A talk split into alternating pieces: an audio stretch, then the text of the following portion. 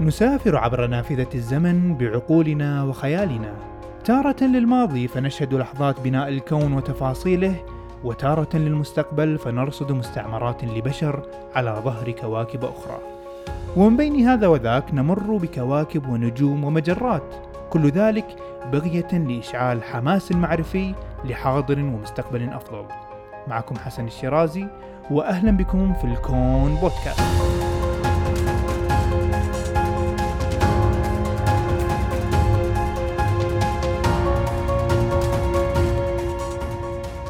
السلام عليكم.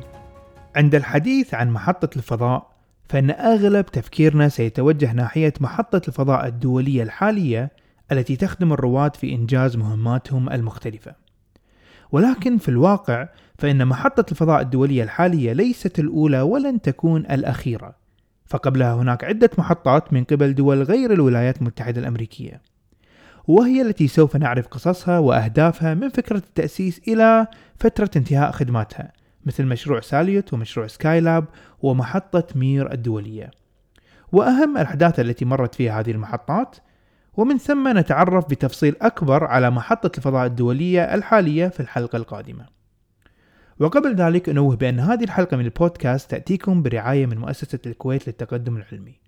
مؤسسة الكويت لديها العديد من الكتب والبرامج العلمية الشيقة والمناسبة لجميع الأعمار وجميع التخصصات. تابعوهم واختاروا ما يناسبكم. والآن هيا بنا نزور وندخل إلى المحطات التي حملت الإنسان وآوته كالبيت الكبير ومكنته من استكشاف الفضاء لأيام وشهور وسنوات.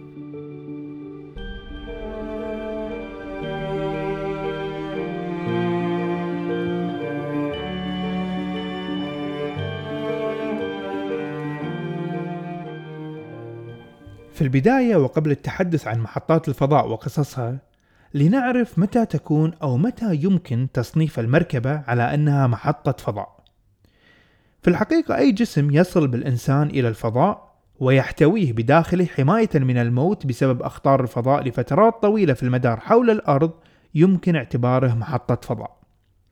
فهي بطبيعتها تختلف عن الصواريخ والأقمار الصناعية.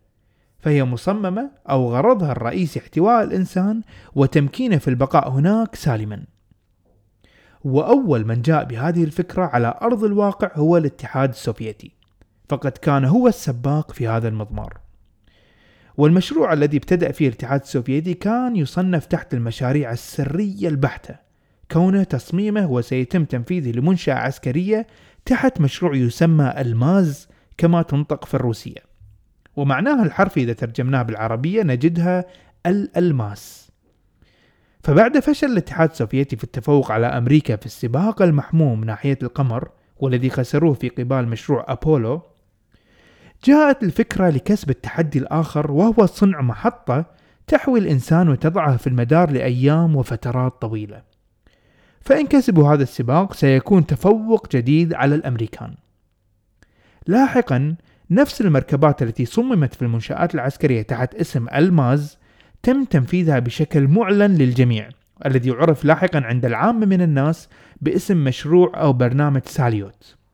فحسب البحث تبين بأن التحول من السرية في مشروع ألماز إلى الإعلان العام عن المشروع يبدو كأنه تمويه عن الأهداف العسكرية وهي التجسس على الأعداء والمراقبة بشكل عام من الأعلى لكل ما يهم من معلومات الاتحاد السوفيتي.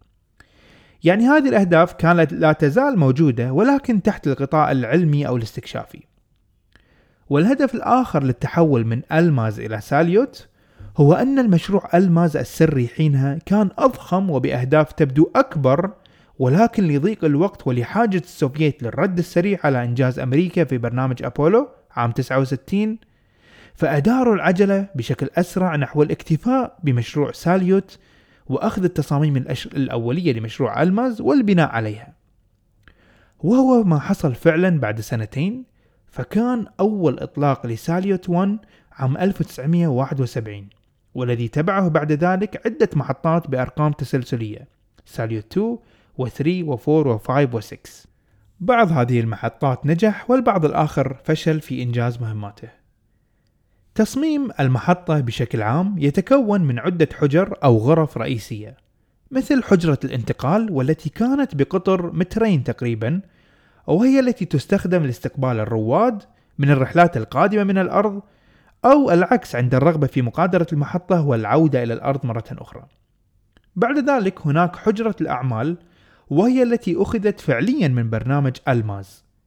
كانت هذه الحجرة مقسمة إلى أسطوانتين.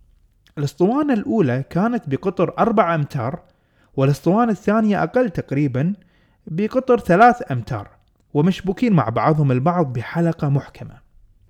بعد ذلك تأتي حجرة معدات البحث العلمي وهي معدات كثيرة في الحقيقة مثل تلسكوب شمسي ولواقط للأشعة السينية وكذلك تلسكوبات تعمل على مختلف الأشعة وكانت المحطة مزودة بألواح شمسية للطاقة ودفاعات مختلفة لتحافظ عليها في المدار أو تنزلها لاحقا للغلاف الجوي. تقريبا هذا التصميم العام لمركبات أو محطات الفضاء في برنامج ساليوت.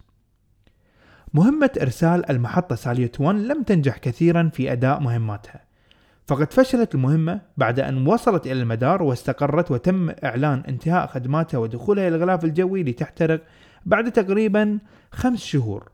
ولكن مع ذلك فالبقاء خمس شهور بهذه الطريقة في الفضاء هو إنجاز كبير جدا. فتخيل مضى على هذا الحدث الآن أكثر من خمسين سنة ولكن الاتحاد السوفيتي استطاع تحقيقه حينها.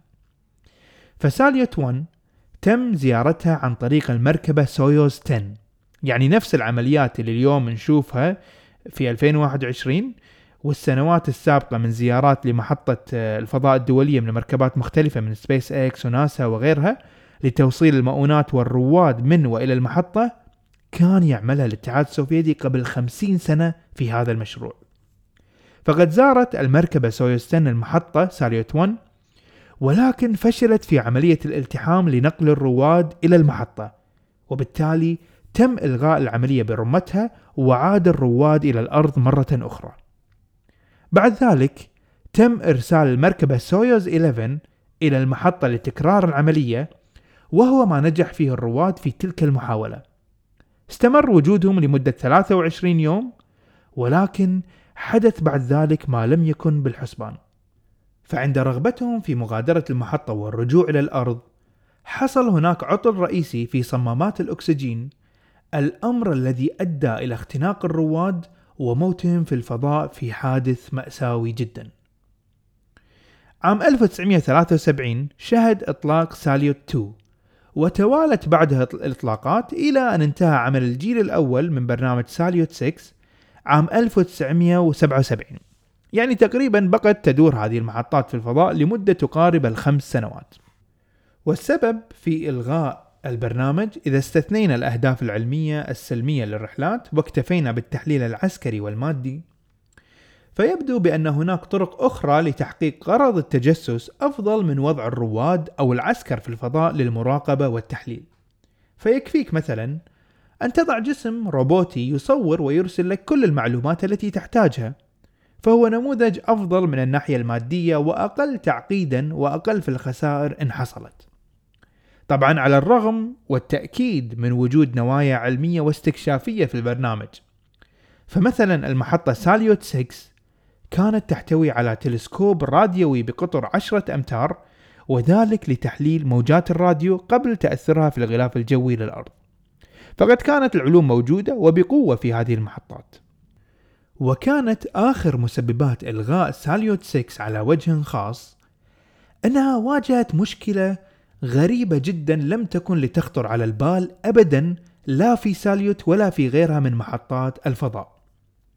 فعادة إذا تكلمنا عن محطة فضاء إحنا نتكلم عن محطات نتخيل صورتها من أفلام الخيال العلمي بأنها تكون بآخر المعدات والألواح والحواسيب المتقدمة وبأن تكون نظيفة ولامعة لأبعد درجة أو حتى يمكن نقيس ذلك على ما نشاهده اليوم من صور حية في أيامنا هذه من محطة الفضاء الدولية الحالية. ولكن في تلك الأيام وبالتحديد عند ساليوت 6 فقد عانت المركبة من انتشار العفن فيها. نعم العفن. لدرجة أن هذا العفن انتشر في أرجاء المحطة بشكل كبير جدا وصنفت المحطة على أنها غير قابلة للعيش فيها من قبل الرواد. ويجب إنهاء خدماتها وهو ما حصل بعد ذلك.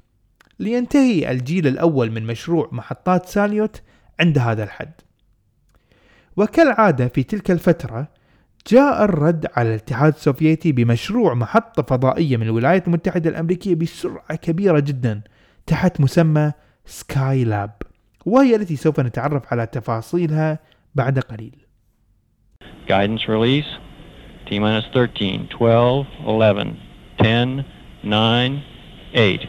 We have ignition sequence has started. 6, 5, 4, 3, 2, 1, 0. And we have a liftoff. The Skylab lifting off the pad now, moving up. Skylab has cleared the tower. Houston is now controlling. في اليوم الرابع عشر من شهر مايو عام 1973 انطلق الصاروخ العملاق جدا ساتورن 5 وهو نفس الصاروخ المستخدم في برنامج أبولو لرحلات القمر قبلها بسنوات بسيطة. فقد انطلق هذا الصاروخ حاملا أول محطة فضاء أمريكية في التاريخ وهي المحطة Skylab معلنة الدخول رسميا في التحدي الجديد مع الاتحاد السوفيتي لبناء تكنولوجيا محطات الفضاء. ولكن سرعان ما واجهت هذه المحطة تحديات والفشل الذريع جدا في مرحلة مبكرة جدا من المشروع. فمن سوء حظ المحطة واجهت مشاكل في تشغيل بعض الألواح الشمسية المثبتة عليها وفقدت أجزاء من معدات الحماية للمحطة وكل ذلك حدث في نفس يوم الإطلاق. تخيل كمية الإحباط بعد كل هذا الشغل والتحضير للمحطة للرد على إنجاز الاتحاد السوفيتي وتفقد أجزاء رئيسية في نفس يوم الإطلاق. فقد كانت الآمال عالية جدا واصطدمت بهذه الظروف القاسية في يوم الإطلاق. خصوصا أن الأمريكان كانوا قد اعتمدوا على آخر التطورات التكنولوجية آنذاك والتي اعتمدوا عليها في بناء برنامج أبولو قبلها بسنوات. ولكن حدث ما حدث. وكادت ناسا على إثر ذلك أن تفقد آثار المحطة في الفضاء مبكرا. وواجهت مشاكل في التزويد بالطاقة بسبب الأعطال في الألواح الشمسية. في الواقع كان ذلك فشل نوعا ما ولكن باب للخبرة والتجربة من ناحية أخرى. فكل الأعطال التي حدثت للمحطة أجبرت ناسا لعمل عمليات الإصلاح في الفضاء لاحقا. فمحطة سكاي لاب كانت أول مركبة يتم تصليحها في الفضاء. وعملية الإصلاح هذه تعتبر تجربة رائدة وسباقة للأمريكان لأنها فعلا صعبة وبها الكثير من المخاطر والتكاليف كذلك. يمكنكم البحث والمتابعة لهذه الصور صور العمليات الإصلاح فقد كانت جدا رائعة وغاية في الدهشة. يعني تشوف رائد فضاء معلق خارج المركبة من خلال البدلة والتمديدات اللازمة فكانت العملية شيء فريد من نوعه خصوصا ونحن نتحدث عن تجربة إصلاح قبل ما يقارب الخمسين سنة. محطة Skylab تختلف بشكل كبير عن محطة ساليوت أو محطات ساليوت لنقول صحيح أنهم أطلقوا تقريبا بنفس الفترة ولكن الفرق الرئيسي بين محطة Skylab ومحطات ساليوت هي أن السوفييت عندما صمموا محطتهم كان التفكير نحو بناء المحطة وتطويرها شيئا فشيئا من خلال رحلات وتصاميم معدلة في كل مرة يعني شيء إضافي على محطة ساليوت اللي بعدها. متفادين بذلك الأخطاء اللي حصلت بالنموذج السابق. يعني الأخطاء اللي تقع في ساليوت 2 يتفادونها بساليوت 3 وهكذا إلى أن انتهينا بساليوت 6 ولكن سكاي لاب كانت فكرتها على العكس من ذلك تماما. فقد كان تفكير ناسا بتصميم محطة متكاملة من البداية تشمل كل شيء يخص أكل وسباحة ورياضة وعمليات دراسة الرواد وكل العمليات الأخرى وإرسالها إلى الفضاء دفعة واحدة. وهدف المحطة الرئيسي كان دراسة كيفية عيش الإنسان وبقائه لفترات طويلة في ظل الجاذبية الميكروية أو متناهية الصغر داخل المحطة ودراسة تأثيرات ذلك عليه. وتوجد محطة تشبيهية لمحطة سكايلاب موجودة في US Air Museum في العاصمة الأمريكية واشنطن تحكي تصميم وتفاصيل سكايلاب يمكن التمشي بداخلها ومعاينة كل أماكن الرواد والدراسات. ومن الأهداف الرئيسية التي سعت لها وكالة الفضاء في المحطة أن يتم دراسة تأثير الجاذبية على الرواد لمدة 180 يوم. ومعرفة ماهية أو طبيعة التمارين المهمة التي يجب أن نعملها لنتجنب نقص الكالسيوم الذي يحدث للعظام جراء نقص الجاذبية. وهي مشكلة تكلمت عنها في أحد حلقات المريخ وصعوبة العيش هناك يمكنكم الرجوع إليها لتفصيل أكثر. وكذلك كان من الأهداف دراسة الأطعمة التي يجب تناولها أو تجنبها لحل نفس المشكلة. طبعا هذا عنوان عام وتحته اندرجت عشرات وربما مئات التجارب. بالإضافة لأعمال مراقبة الأرض وتحليل الأشعة الشمسية ومراقبة الفضاء بشكل عام من خلال التلسكوبات المختلفة المزودة فيها. وهذه الأعمال قام بها رواد الفضاء الذين زاروا المحطة على ثلاث دفعات من خلال رحلة سكايلاب 2 وسكايلاب 3 وسكايلاب 4 وفي نهاية خدمتها بعد ست سنوات عام 1979 كما في بدايتها يوم انطلاقها واجهت مشكلة كبيرة جدا في عملية دخولها إلى الأرض وسببت صداع كبير للناس في تلك الفترة. إذا تتذكرون قبل فترة كان في صاروخ صيني اللي ذكرته في الحلقة الماضية اللي عبر فوق المملكة العربية السعودية وانتهى به المطاف في المحيط الهندي بعد أن فقدت السيطرة عليه. نفس العملية حدثت لمحطة سكاي لاب. فالمحطة بعد أن انتهت خدمتها كان من المقرر أن تدخل المجال الجوي لتحترق شيئا فشيئا وتعبر فوق جنوب أفريقيا ويستقر بها الحال إلى أن تسقط في المحيط الهندي. ولكن ما حدث بأن هناك بعض الأخطاء الحسابية الغير متوقعة في عملية السقوط مما أدى إلى أن تعبر المحطة فوق جنوب أفريقيا وتسافر فوق المحيط الهندي آلاف الكيلومترات متخطية نقطة السقوط المخطط لها. وتضرب منطقة بيرث غرب استراليا. وبسبب خروج الموضوع عن السيطرة تمت عمليات حسابية احتمالية على الإصابات التي ممكن أن تحدث. وكانت احتمالات بعيدة جدا بالنسبة للإصابات البشرية واحتمالات أصغر بالنسبة لحدوث الصدامات مع المدن. ولحسن الحظ لم يحدث أي من ذلك بعد أن ضربت البقايا الغير محترقة من محطة الفضاء أرض غير مأهولة ولم ينتج عنها إصابات بشرية. وبذلك تكون نهاية مغامرة سكايلاب. وبعد قليل سنتعرض لقصة واحدة من أميز محطات الفضاء عبر التاريخ وهي محطة مير الدولية.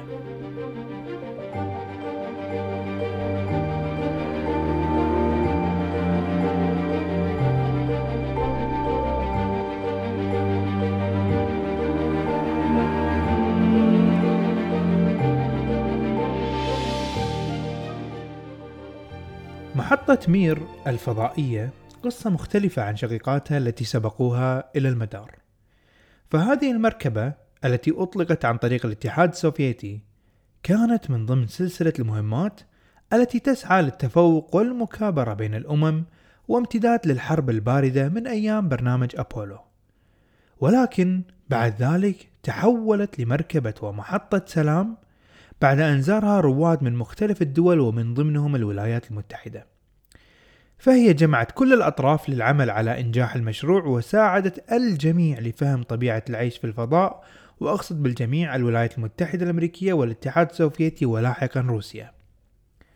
فالمحطة انطلقت عام 1986 وانتهت خدمتها عام 2001 وبذلك تعتبر محطة مير واحدة من أطول المحطات خدمة في الفضاء.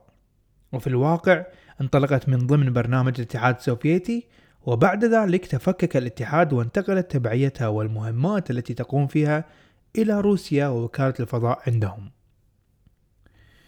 الآن وبعد أن مررنا وسردنا بعض تفاصيل محطة سكايلاب ومحطات ساليوت قبل قليل لنلخص تصنيف محطات الفضاء.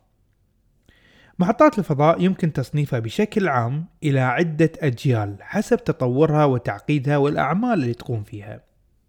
فمثلا الجيل الأول كانت محطات الفضاء تطلق إلى الفضاء وتبقى في المدار لوقت قصير مع وجود رائد فضاء ربما يكون وحيد على متنها وبعد ذلك تنتهي مهمتها بعد التأكد من قدرتها على الدوران حول الأرض والثبات في المدار مع القيام بمهمات بسيطة نسبيا. ثم تنتهي بإرجاعها للغلاف الجوي لتنتهي خدمتها.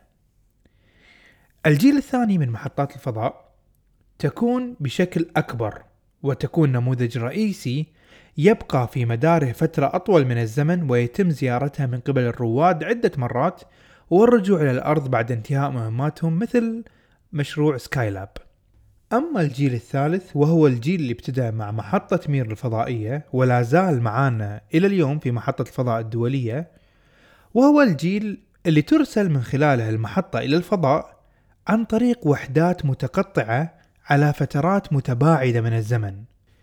بمعنى أني أرسل قطعة رئيسية وبعد فترة أرسل قطعة ثانية إلى الفضاء أركبها مع القطعة السابقة مثل قطع التركيب أو ألعاب الليجو. وهكذا قطعة على قطعة إلى أن تصبح عندي محطة عملاقة. فمثلا المحطات من هذا النوع تمتلك وحدات رئيسية يمكن للرواد البقاء فيها والتنقل من خلالها. وهناك وحدات لأغراض تشغيلية لا يمكن الدخول إليها وهناك وحدات لأغراض دراسية استكشافية. تكون مهمة في فترة من الفترات وبعد ذلك ينتفي الغرض منها إلى أن تأتي تجربة مماثلة وهكذا. وكانت محطة مير كبيرة جدا بحيث كان لديها ثمان وحدات رئيسية. وفوق هذه الثمان وحدات بني عليها ستة أذرع أو وحدات أصغر وكانت كل وحدة لديها مزوداتها بالطاقة من الألواح الشمسية. وكل وحدة قادرة على البقاء في المدار لوحدها دون الحاجة لنماذج أو حجرات أخرى. على عكس محطة الفضاء الدولية اليوم التي تمتلك جزء رئيسي خاص لتوليد الطاقة لكامل المحطة. لا كانت أجزاء مير كل واحدة منها كأنها محطة فضاء لحالها وجمعوهم على بعضهم. وبما أننا نتكلم عن أجزاء المحطة فهي لم يتم بنائها من الصفر. في الحقيقة الروس أخذوا ما استطاعوا أخذه من آخر مركبة ساليوت. وأخذوا كل التجارب العلمية من هناك ونقلوها إلى محطة مير. فكانت المحطة أرضية لدراسة العلوم التي من المفترض أن تتم سابقا. ولأنها كانت مستمرة وطويلة في الخدمة فقد كسرت كل أنواع الأرقام القياسية في الفضاء. مثل أطول رحلة فضائية للإنسان وأطول رحلة فضائية على الإطلاق أو أعلى عدد من الرواد في مركبة واحدة أو أرقام المشي الفضائي وأطولها تقريبا كل رقم قياسي حطموه الروس وسجلوه باسمهم. ولكن هذا السجل الجميل للمحطة تخللته بعض الكوارث التي كادت أن تودي بحياة المحطة ومن فيها. فقد حصل في أحد الأيام عطل في مولدات الأكسجين المستخدمة في المحطة فالمحطة كانت تستخدم نوع من أنواع مولدات الأكسجين يسمى فايكا. يعتمد على تفاعلات كيميائية لإنتاج الأكسجين. طور عن طريق وكالة الفضاء الروسية روسكوزموس.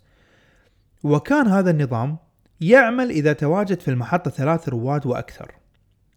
وفي 23 من فبراير عام 97 حصل عطل في هذا النظام مما نتج عنه اندلاع نيران وكذلك انطلق معدن مصهور من المولدات. بالإضافة لامتلاء الحجرات بالدخان. استمر هذا الوضع لأكثر من 45 دقيقة. تخيل هذا يحدث بالفضاء وهو من أخطر الأوضاع تقريبا. اضطر الرواد لاستخدام كمامات الأكسجين للطوارئ وكانت حتى بعضها لا تعمل. وخلال تلك الفترة كافح الرواد الحريق عن طريق استهلاك العديد من طفايات الحريق إلى أن سيطروا على الوضع في نهاية المطاف. فكانت هذه الحادثة واحدة من أخطر حوادث الفضاء والتي كانت على وشك التحول إلى كارثة وهناك حادثة أخرى ولكن من النوع الدرامي الغريب حصلت لأحد أحد الرواد وهو الرائد سيرجي كريكالوف واللي اكتشفت وأنا أعد لهذه الحلقة أن نفس الرائد اللي تكلمت عنه ضيفة البرنامج مريم الجوعان عندما تواصلت معاه في محطة الفضاء الدولية لاحقا. إذا ما سمعتوا الحلقة أنصحكم فيها لأنها تجربة فريدة جدا. عموما في محطة مير كان الرائد سيرجي قد ابتعث إلى المحطة في أيام الاتحاد السوفيتي وبقي في الفضاء. وفي تلك الفترة حصلت المشاكل المعروفة للاتحاد السوفيتي وبعدها تفكك الاتحاد إلى دويلات صغيرة. وأصبحت روسيا هي التي عندها تبعية وكالة الفضاء. فتخيل تنام وأنت تتبع دولة معينة وفي الصباح تتبع دولة أخرى. الأمر أسهل في الأرض ولكن في الفضاء الأمر أصعب بكثير جدا على الرائد سيرجي. فعندما أراد الرجوع إلى الأرض جاءته ردود بأن عليه الانتظار مدة أطول بسبب الحالة الاقتصادية لروسيا بعد التفكك وعدم وجود ميزانية كافية لإرجاعه في ذلك الوقت عن طريق إرسال الصاروخ وإرجاعه. فظل معلق سيرجي في الفضاء أشهر طويلة فوق الفترة المخصص لها وعانى كثيرا من ذلك بقصة مفصلة تروى عن المسكين سيرجي كريكالوف. بعد هذه الأحداث التي مر فيها الاتحاد السوفيتي والروس وتقلص الميزانيات ولأن مير تحتاج إلى الكثير من الطاقة عبر الوقود المستهلك لإرجاعها في المدار بسبب حجمها وطريقة تصميمها لأنها كانت كثيرة التأرجح في المدار كان هناك تكهنات وأحاديث لبيع مير إلى القطاع الخاص ولكن ذلك لم يحدث في نهاية المطاف. يعني كان في مجال ندش المجال التجاري مبكرا قبل إيلون ماسك وجيف بيزوس وباقي رؤوس الأموال. فقد جاءت فكرة بيع المحطة إلى القطاع التجاري وبالتحديد إلى وكالة الأنباء اليابانية وكذلك أحد وكالات الأنباء من أمريكا.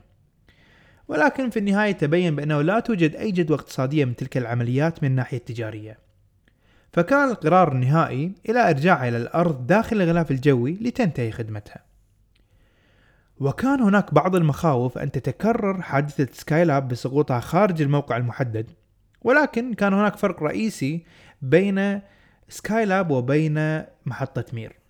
فسكايلاب كانت كثيفة جدا وصغيرة بالحجم مقارنة مع محطة مير الأقل بالكثافة وأكبر بالحجم. هذه التفاصيل جعلت عملية احتراق محطة مير عند دخولها الغلاف الجوي أسهل وأسرع من احتراق سكايلاب بكثير. التي صمدت حتى اصطدمت بقايا مكوناتها في بيرث الاسترالية مثل ما ذكرت قبل قليل. هذا بالإضافة إلى أن وكالات الفضاء كان عندهم قدرة وحسابات لمدار السقوط أفضل من أيام سكايلاب. فبالتالي قرار إنهاء خدماتها بالدخول إلى الغلاف الجوي كان سهل وتم إنزالها. وبعد أن تم إخلاءها من الرواد تم تزويدها بالوقود الكافي للتحكم في عملية ارتفاعها وانخفاضها تدريجيا إلى أن تم إنزالها بالقرب من جزيرة فيجي في الجزء الجنوبي من المحيط الهادي حيث لا توجد أي مناطق مأهولة بالسكان وبالتالي لا خطر على أي أحد في تلك المنطقة الواسعة.